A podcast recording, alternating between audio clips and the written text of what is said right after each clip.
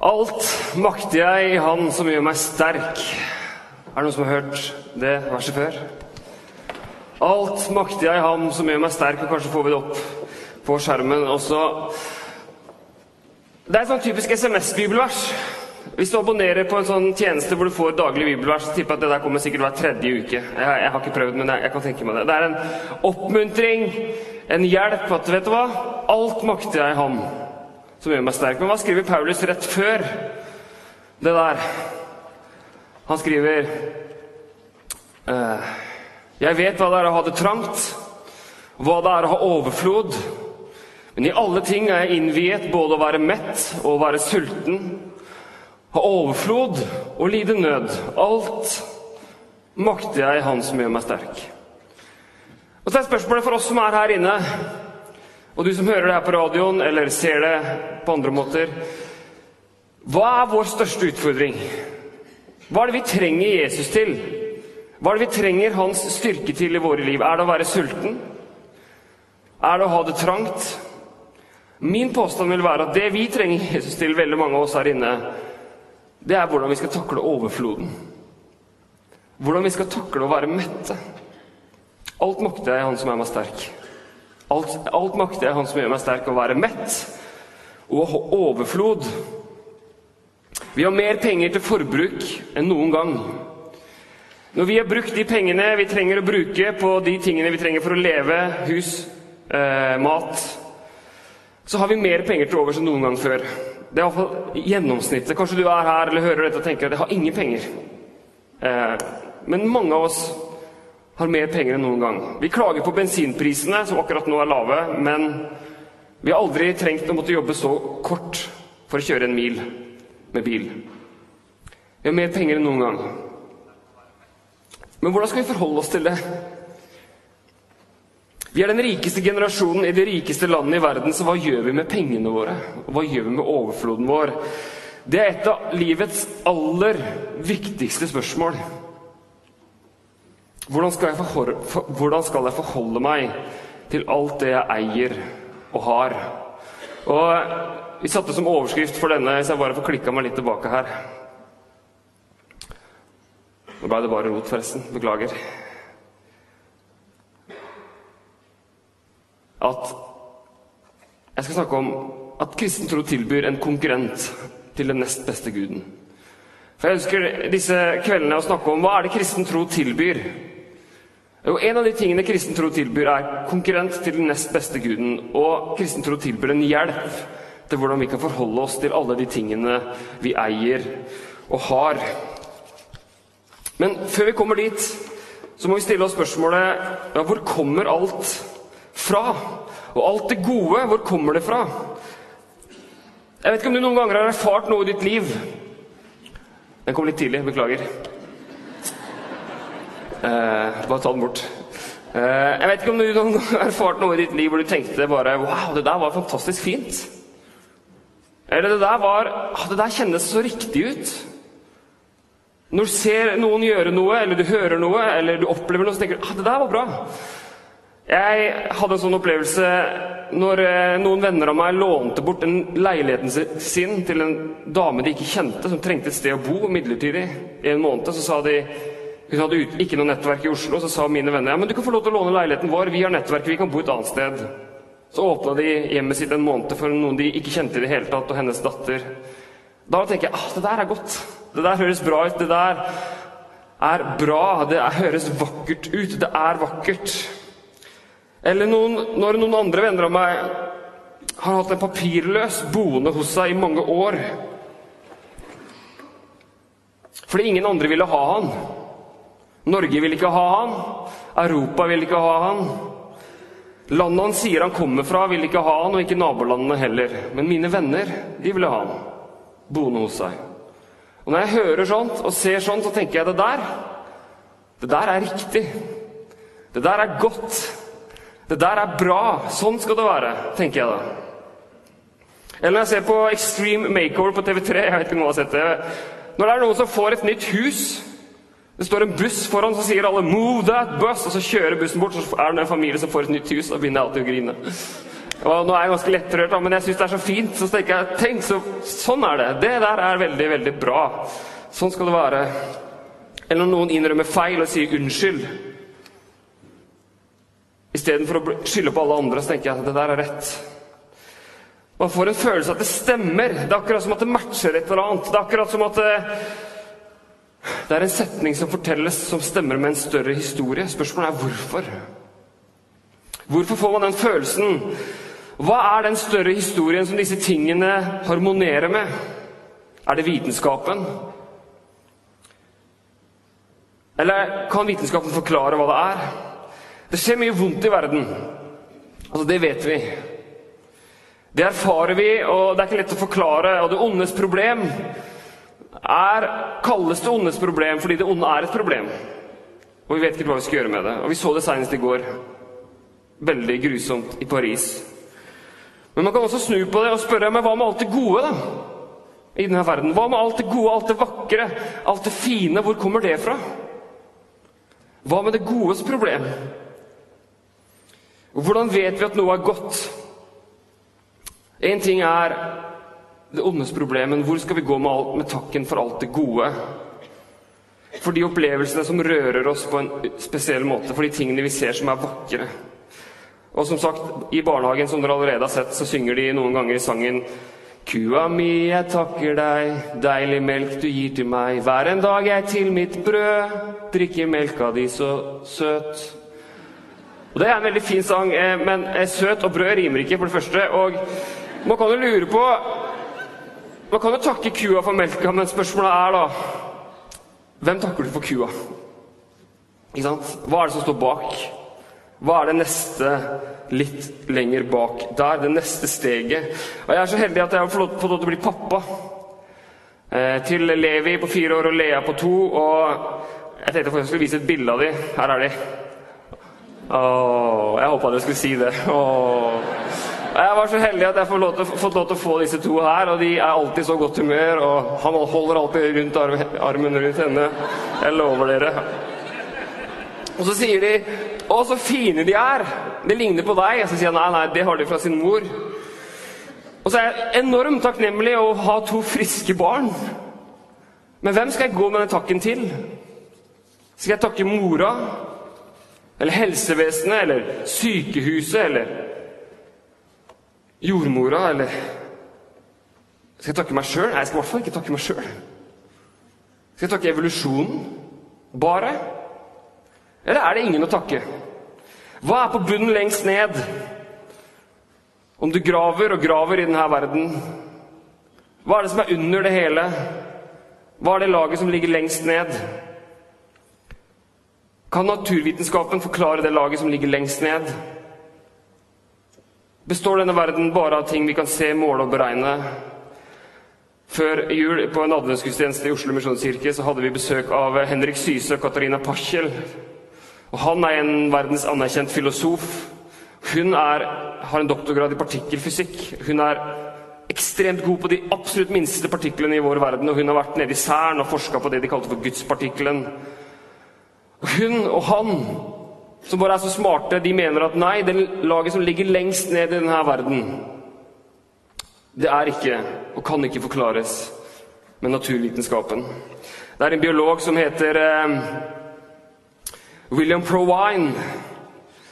Og han sier La meg oppsummere mitt syn på hva moderne evolusjonsbiologi forteller oss høyt og tydelig. Det fins ingen guder, ingen overordnet mening, ingen målrettet kraft av noe slag. Det finnes ikke noe grunnleggende basis for etikk, ingen grunnleggende mening med livet, og ingen fri vilje for mennesker heller. Nei vel. Men det er jo hans mening. Og det fins evolusjonsbiologer som mener noe annet. Men det er ikke en veldig oppmuntrende eh, historie han har å fortelle. Jeg har stor tro på at vitenskap kan fortelle mye om hvordan vår verden funker, men ikke hvorfor. Det fins en engelsk forfatter, skråstrek teolog, skråstrek filosof, skråstrek kunstner som het J.K. Chesterton. Han så sånn ut, visstnok. Og han skrev en bok i 1908 som het 'Orthodoxy'. Og han beskriver der om hvordan han kom til tro. Og han kom til tro på at denne verden er mer enn det man kan se, måle, berøre og beregne. Og han skriver Kort fortalt så hadde jeg alltid trodd at verden inneholder magi. Men nå begynte jeg å lure på om det fins Om den kanskje også inneholdt en magiker. Og Dette understreket denne dype, underbevisste følelsen som alltid hadde vært der. At denne vår verden har en mening. Og hvor det finnes en mening, finnes det en person. Jeg hadde alltid følt at livet først og fremst var en historie. Og hvis det er en historie, så er det også en historieforteller. Jeg tror personlig at historien er større enn vitenskapen. Jeg tror det fins en historieforteller. Og jeg tror historien begynner med det som står i første Mosebok 1. I begynnelsen skapte Gud. I begynnelsen skapte Gud himmelen og jorden. Sånn tror jeg historien begynner. Og Så kan en fireåring stille spørsmål ja, men hvem skapte Gud. Og så får det være tema på søndagsskolen neste søndag. Det er en oppfordring til alle dere pastorer og prester og trosopplærere. Men Paulus var en gang i Aten og møtte alle filosofene der. og på Europagos, i, i den byen hvor eh, det var sagt at det var flere guder enn mennesker. Og Så skulle han prøve å argumentere for at det fins bare én gud. Og så sa han disse ordene. Gud, han som skapte verden og alt som er i den, han som er herre over himmel og jord, han bor ikke i tempelet reist av menneskehender. Heller ikke trenger han noe av det menneskers hender kan tjene han med, som jeg snakka om i går. Gud trenger deg ikke. Trenger, Gud trenger ikke deg. Han er veldig glad for å ha deg, men han trenger deg ikke. Så du, du kan slappe av. Det er jo han som gir liv. Det er han som gir alle liv og ånde og alle ting. Det fins en Gud i denne verden som ikke krever, men en Gud som gir. Denne Gud trenger ingenting. Han bare gir, han er sjenerøs. Så ditt liv og din pust og alt annet du har, er en gave. Alt har du fått fra Gud. Jeg tror det fins noe lengst ned, og jeg tror det er Gud. Og når du erfarer at noe er rett, noe er vakkert, så tenker jeg at det er fordi at du ser og hører og erfarer noe som matcher det som er lengst ned, og hvordan det lengst ned er, nemlig Gud. Så hvilke konsekvenser får det, da? Del 2, eller del 17 av Jeg vet ikke. Men eh, om Gud er en giver, om Gud er uendelig raus med oss, om Han har gitt deg alt det du har, hvilke konsekvenser får det? Hvordan ser det ut? Hvordan forholder man seg til det, alt det man eier og har? I Apostelens gjerninger så står en av de, to, en av de korteste biografiene i Bibelen. Og En kvinne er beskrevet med to setninger. I Joppe var det en kvinne som var disippel. Hun het Tabita, på gresk Dorkas, det betyr gasellen for øvrig. Hun var rik på gode gjerninger, og hun ga mange almisser. Altså, Se på den beskrivelsen her. Hvis vi bare får den opp igjen. Hun var disippel navnet hennes. Og hun var rik på gode gjerninger, og hun ga mye til de fattige. Altså, For en, for en fantastisk beskrivelse. Altså, det er biografien til en person som har forstått at alt det jeg har fått, er av Gud. Tenk om Det er sånn at det første folk tenker på når de skal beskrive deg med, liksom to setninger, er ja, vet du, han der, altså. Han er en disippel, etterfølger av Jesus, hvis du er det. Og han gjør masse gode gjerninger, og så gir han mye. Tenk om det liksom var ja, Det er beskrivelsen om, om, deg. Ja, hun der, altså. Hun er raus. Ja, han gir mye.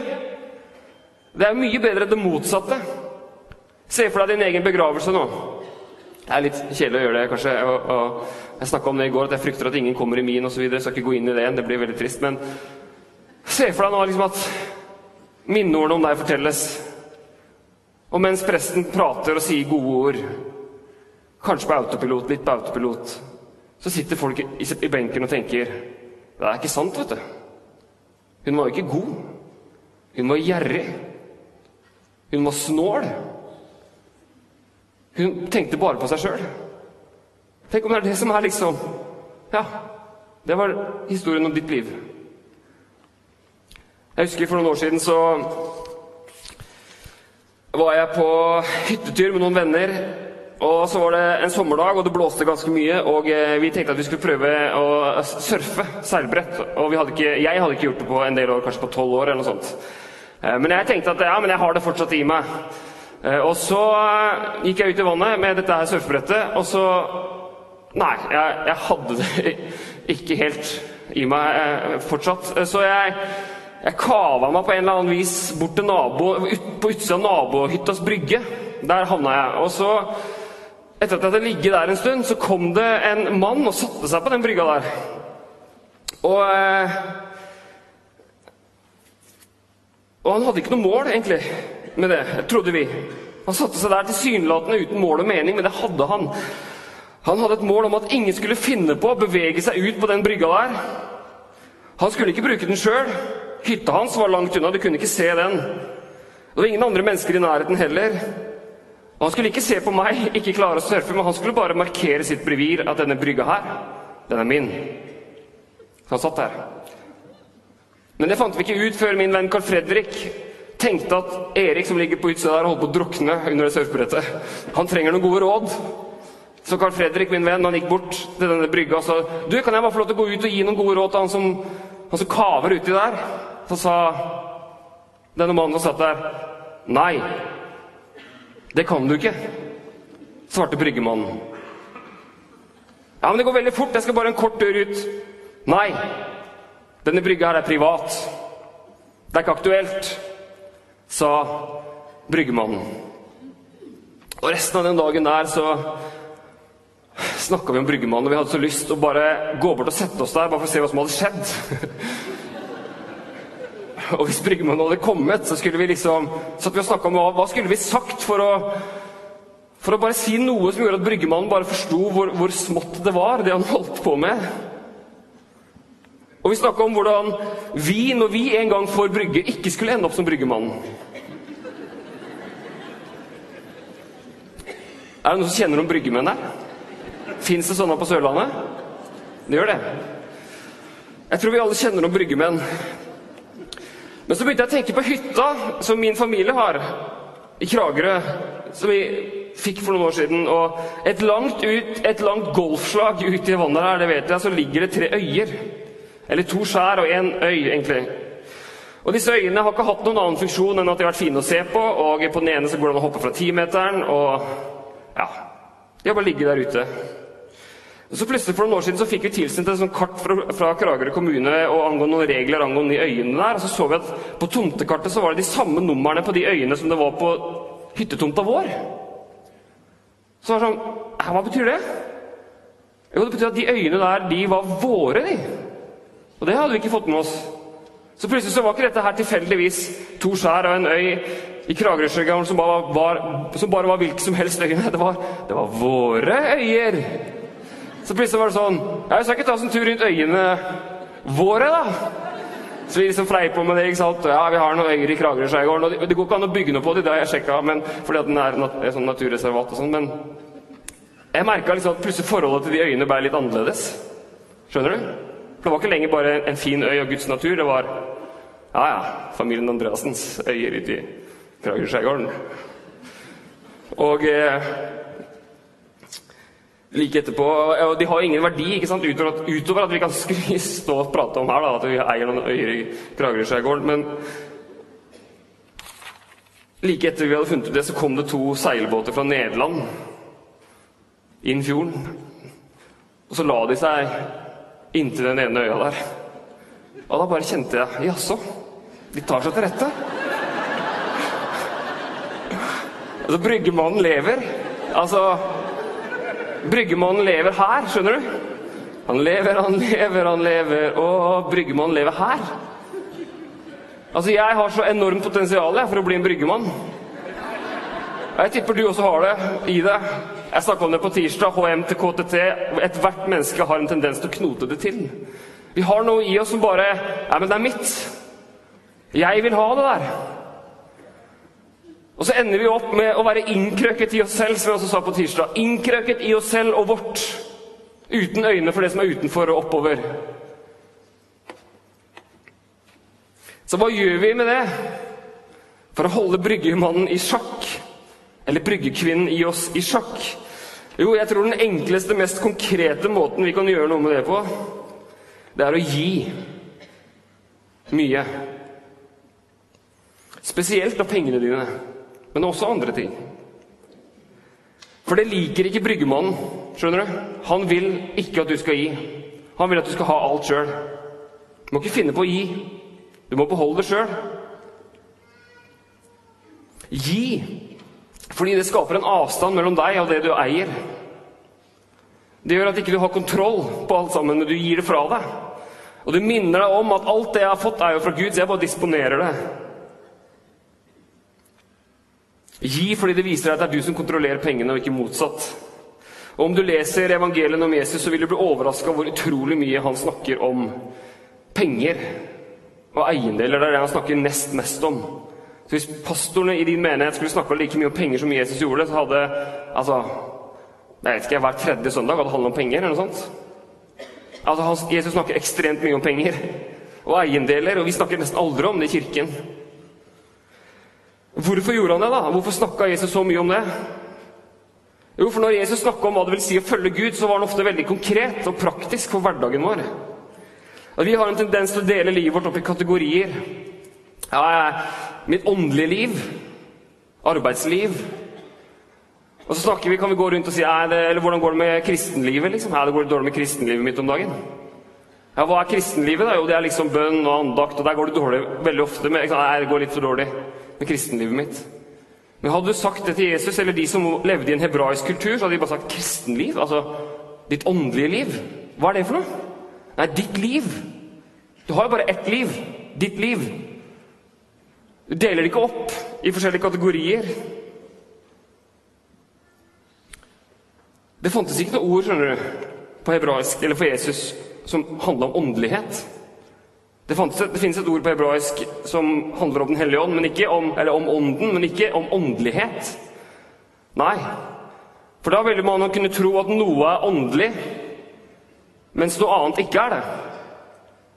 Men i Gamletestamentet så er jo alt har med åndelighet å gjøre. Alt har med Gud å gjøre.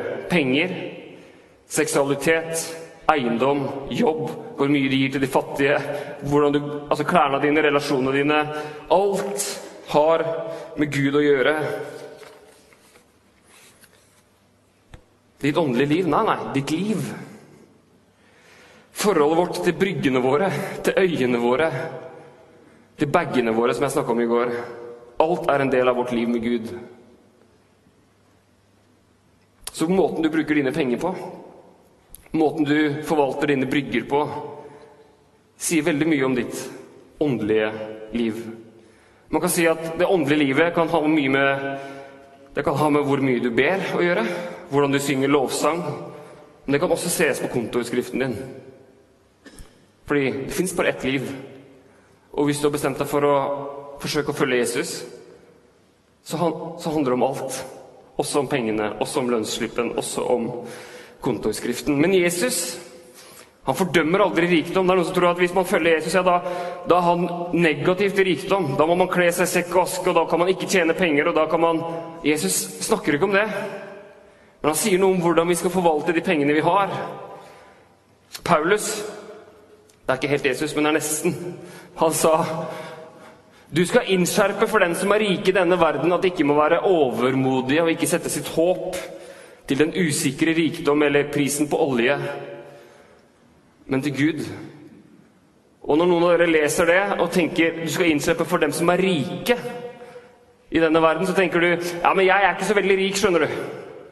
Altså, det, si, Se han nede i gata der. Han kjører fin bil, han. Han er rik. Jeg kjører en sånn en ti år gammel bil. Han har en helt splitter ny han er rik, jeg er ikke så rik. Så sammenligner man seg med de rundt seg, og så tenker man at det der gjelder ikke meg. Jeg er ikke blant de rike i denne verden, som Paulus. Jeg slipper unna det der. Eh, men hvis man eh, ser på, jeg gikk inn og så på hvor mye en gjennomsnittlig nordmann tjener Det her er 2013, altså sto det beregnet gjennomsnittlig årslønn for alle ansatte i både offentlig og privat sektor utgjorde 489 200 kroner i 2013. Og så fins det en nettside som heter Global Rich List, hvor du kan gå inn og skrive inn nettoinntekt. Og Så får du opp en oversikt som viser hvor rik du er i verdens målestokk. Jeg gikk inn og satt, satt inn den summen der, gjennomsnittlig norsk inntekt. Eh, og da er svaret at vi er blant verdens 0,77 rikeste mennesker. Altså verdens, blant verdens 0,77 rikeste. Det er en skatteliste å se litt nøye på. Vi er ufattelig rike, og hvis du har en minstepensjon, så er du fortsatt blant verdens 5% rikeste mennesker i denne verden. Så vet jeg at penger er relativt, og eh, det hjelper ikke om du har mye mer penger enn eh, folk i Bhutan hvis du ikke har råd til husleia di. Jeg skjønner det. Men allikevel så er vi som sitter her inne, og vi som hører dette og ser dette, sannsynligvis blant de Paulus snakker om når han snakker om de rike i denne verden. Og hva var det han sa? Han sa Gud, han gir oss rikelig av alt for at vi skal nyte det. Det er ikke noe fordømmelse i det. Han gir oss rikelig av alle ting for at vi skal nyte det. Det er et godt budskap. Men de skal gjøre godt. Så de kan være rike på gode gjerninger, være gavmilde og gjerne dele med andre. Så folkens, vi har fått mye, vi er rike. Hvorfor det? For at vi skal nyte det. Men noe mer enn det. For at vi skal gjøre godt. Vi skal være rike på gode gjerninger og gavmilde. Jesus fordømmer ikke rikdom, men han vet at det er noe som kan gjøre oss til slaver. Om det er noe som kan gjøre oss til slaver, så er det kjærlighet til penger. Vi kan lett bli utrolig opptatt av penger. Enten vi har mye, eller om vi alltid har litt lite. Er, noen ganger tenker folk ja, de er rike folk og de er så utrolig opptatt av penger. Men hvis du sier det, så er det sannsynlig for at du er veldig opptatt av penger. Altså Du kan ha lite penger, men fortsatt være ekstremt opptatt av det. Penger i seg sjøl er jo nøytrale. Men allikevel så har det en enorm kraft. Penger forblinder, de ljuger, og de gir falske løfter. Og Jesus sa at ingen kan tjene to herrer. Han vil hate den ene og elske den andre, eller holde seg til den ene og forakte den andre. Dere kan ikke tjene både Gud og mammon.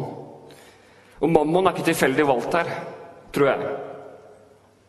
Ikke Buddha eller Allah, men mammon. Jeg tror at eh, En annen grunn til at Jesus snakker så mye om penger, det er at Jesus vet at penger er den nest beste guden. Jesus setter flere ganger penger opp mot Gud som om at man må velge. Ja, Er det penger, eller er det Gud? Den rike unge mannen kommer til Jesus, og Jesus sier ja, er det pengene, pengene eller livet? på en måte Han velger pengene. Eh, men Jeg mener ikke at vi må velge, men Jesus setter det nesten opp mot hverandre noen ganger. fordi han vet at penger er den nest beste guden. Penger kan gi deg alt det Gud kan gi, men bare nesten. Så Jesus vet at hvis du skal drive med avgudsdyrkelse, som er nummer én problemet i Bibelen som beskrives, altså avgudsdyrkelse Jeg snakka litt om det i går. og Avgudsdyrkelse er jo når man tar noe som ikke skal være i sentrum av livet, som ikke er skapt for å være sentrum, og putter det i sentrum. Da driver man med avgudsdyrkelse. Og tingene i seg sjøl kan jo være veldig bra. Penger er ikke noe gærent. Eller, eller kropp eller sex eller om, de tingene vi snakka om i går. Alt det er jo bra og gode ting. Alt har vi fått av Gud for at vi skal nyte det. Og. Men hvis vi gjør noe som er utenfor, og setter det til sentrum, så driver vi med avgudsdyrkelse. Og det funker veldig dårlig, og det gir et dårlig liv. Og Jesus vet at det som er lettest å putte i sentrum, utenom han, det er penger. Småborgerligheten, kanskje. Mer penger, mer velvære, mer eiendom. Og derfor sier han vær forsiktig med hvordan du bruker pengene, og vær bevisst på hvordan du bruker dine penger. Det er ikke sikkert du kom hit til domkirka og hadde regna med å høre om dette her, men jeg tenker at det har ekstremt stor betydning, og at det er viktig. For Jesus vet at der hvor skatten deres er, der vil også hjertet deres være. Derfor oppfordrer han oss til å gi mye til andre, slik at vi ikke blir selvopptatte bryggemenn. Skatten vår styrer vårt fokus og vårt hjerte. Hvis vi kan få det opp igjen, så står det ikke 'der hvor hjertet deres er, vil skatten være'. Det står ikke at det du brenner for, det vil du bruke penger på. Det du er opptatt av, det vil du bruke penger på. Er det står motsatt?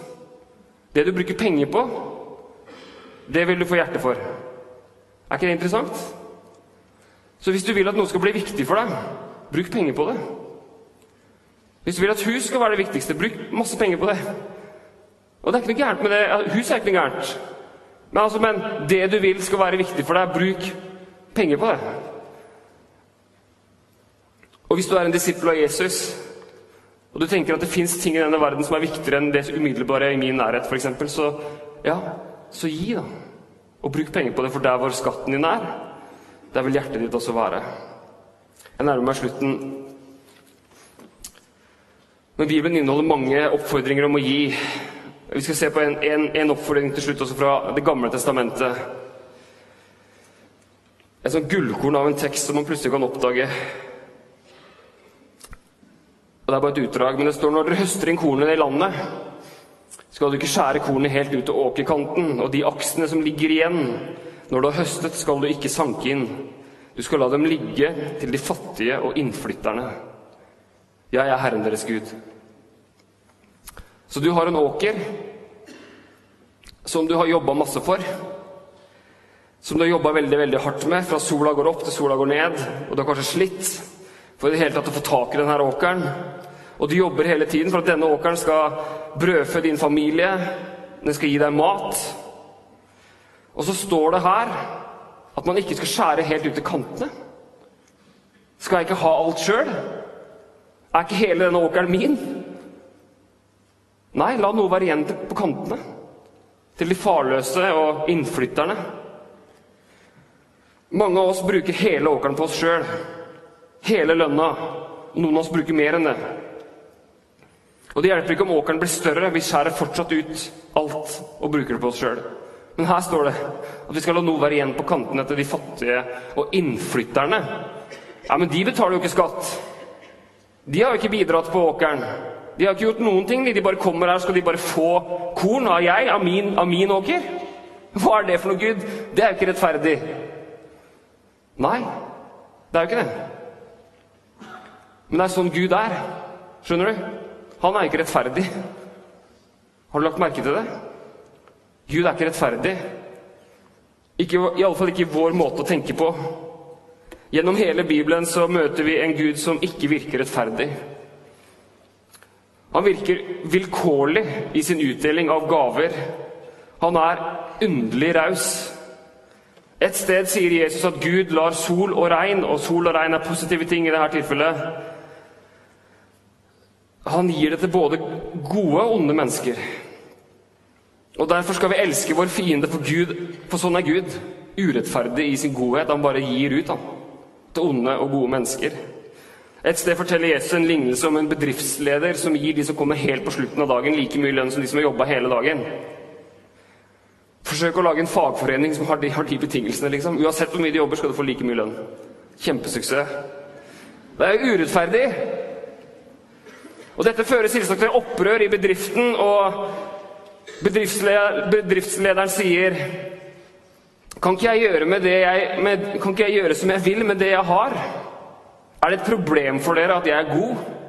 Fantastisk sitat. Er det et problem for deg at jeg er god? Er du sjalu? sier Gud. Er du sjalu? Er det et problem for deg at jeg er god mot de andre også? Så fantastisk sagt. I vår verden snakker vi om å være skuls. At du gir meg et poeng, jeg gir deg et poeng. Du gjør meg en tjeneste, jeg gjør deg en tjeneste. Men i Guds rike så handler det om å utbre urettferdighet. Jeg gir deg nå, jeg får ingenting tilbake. Du gir noe videre, du får ingenting igjen. Du gir noe til noen som ikke fortjener det, som ikke har jobba noe som helst for det. For sånn er Gud. Guds rike handler om å leve ut og fortelle den historien om en Gud som har skapt alt, som har gitt alt, og som ber oss om å gi det videre. Og helt til slutt, jeg har sagt det to ganger, jeg pleier aldri å gjøre det, men nå er det slutt, altså. Snart. Men ved siden av Jesus på korset så henger det to henger det forbrytere, to forbrytere. Og man, og man kan bare forestille seg hva man har gjort, hva han har gjort for å henge der. Det har knota seg til for han i livet. Igjen det vi snakka om på tirsdag. Og han sier til Jesus, 'Husk på meg når du kommer inn i ditt rike'. Og Jesus svarer, 'Du skal få bli med meg i dag'. I Guds økonomi så får den som dukker opp helt til slutt, den samme lønnen som de som kom først. Regnet faller på alle mulige slags mennesker, og banditter og tyver kommer til paradis. Det er ikke rettferdig, men sånn går historien. Det sentrale poenget i kristen tro er at du ikke kan gjøre deg fortjent til Guds kjærlighet. Det er ikke et spill hvor poenget er å få mer pluss enn minus. Det er en historie hvor overskriften er nåde. Ufortjent godhet. Og hvordan vi oppfører oss mot andre og mot hverandre, og hvordan vi forholder oss til pengene våre og eiendommen vår og det vi har, viser om vi har skjønt hva Guds rike handler om. Herre Jesus, hjelp oss med alt det vi eier og har. Alt makter vi deg som gjør oss sterke, Herre, men vi sliter med overfloden og det å være mette. Men Herre, vi ønsker å være trofaste mot deg og følge deg i alle ting. Hjelp oss til å gi oss fri, Herre. Hjelp oss til å ikke la pengene eie oss. Og du var så utrolig konkret og utfordrende i det du sa. Mens vi ofte gjør det til en sånn åndelig greie som skjer i, hodet. Men så gjorde du det så praktisk, Herre. Men hjelp oss i vår hverdag, i alt, å følge deg. Også med det som har med våre penger å gjøre. Så takker jeg deg, Herre, for at du er ufortjent god. Tilsynelatende. Du gir like mye til de som kommer helt til slutt, og de som er helt ute å kjøre, for akkurat den samme godheten som de som tilsynelatende ting, får ting til å henge sammen. Takk for det. Takk for at alle vi som er her inne, er inkludert i din kjærlighet og kan ta imot av den kjærligheten som du gir når vi kommer til deg. Amen. Vi skal høre en sang.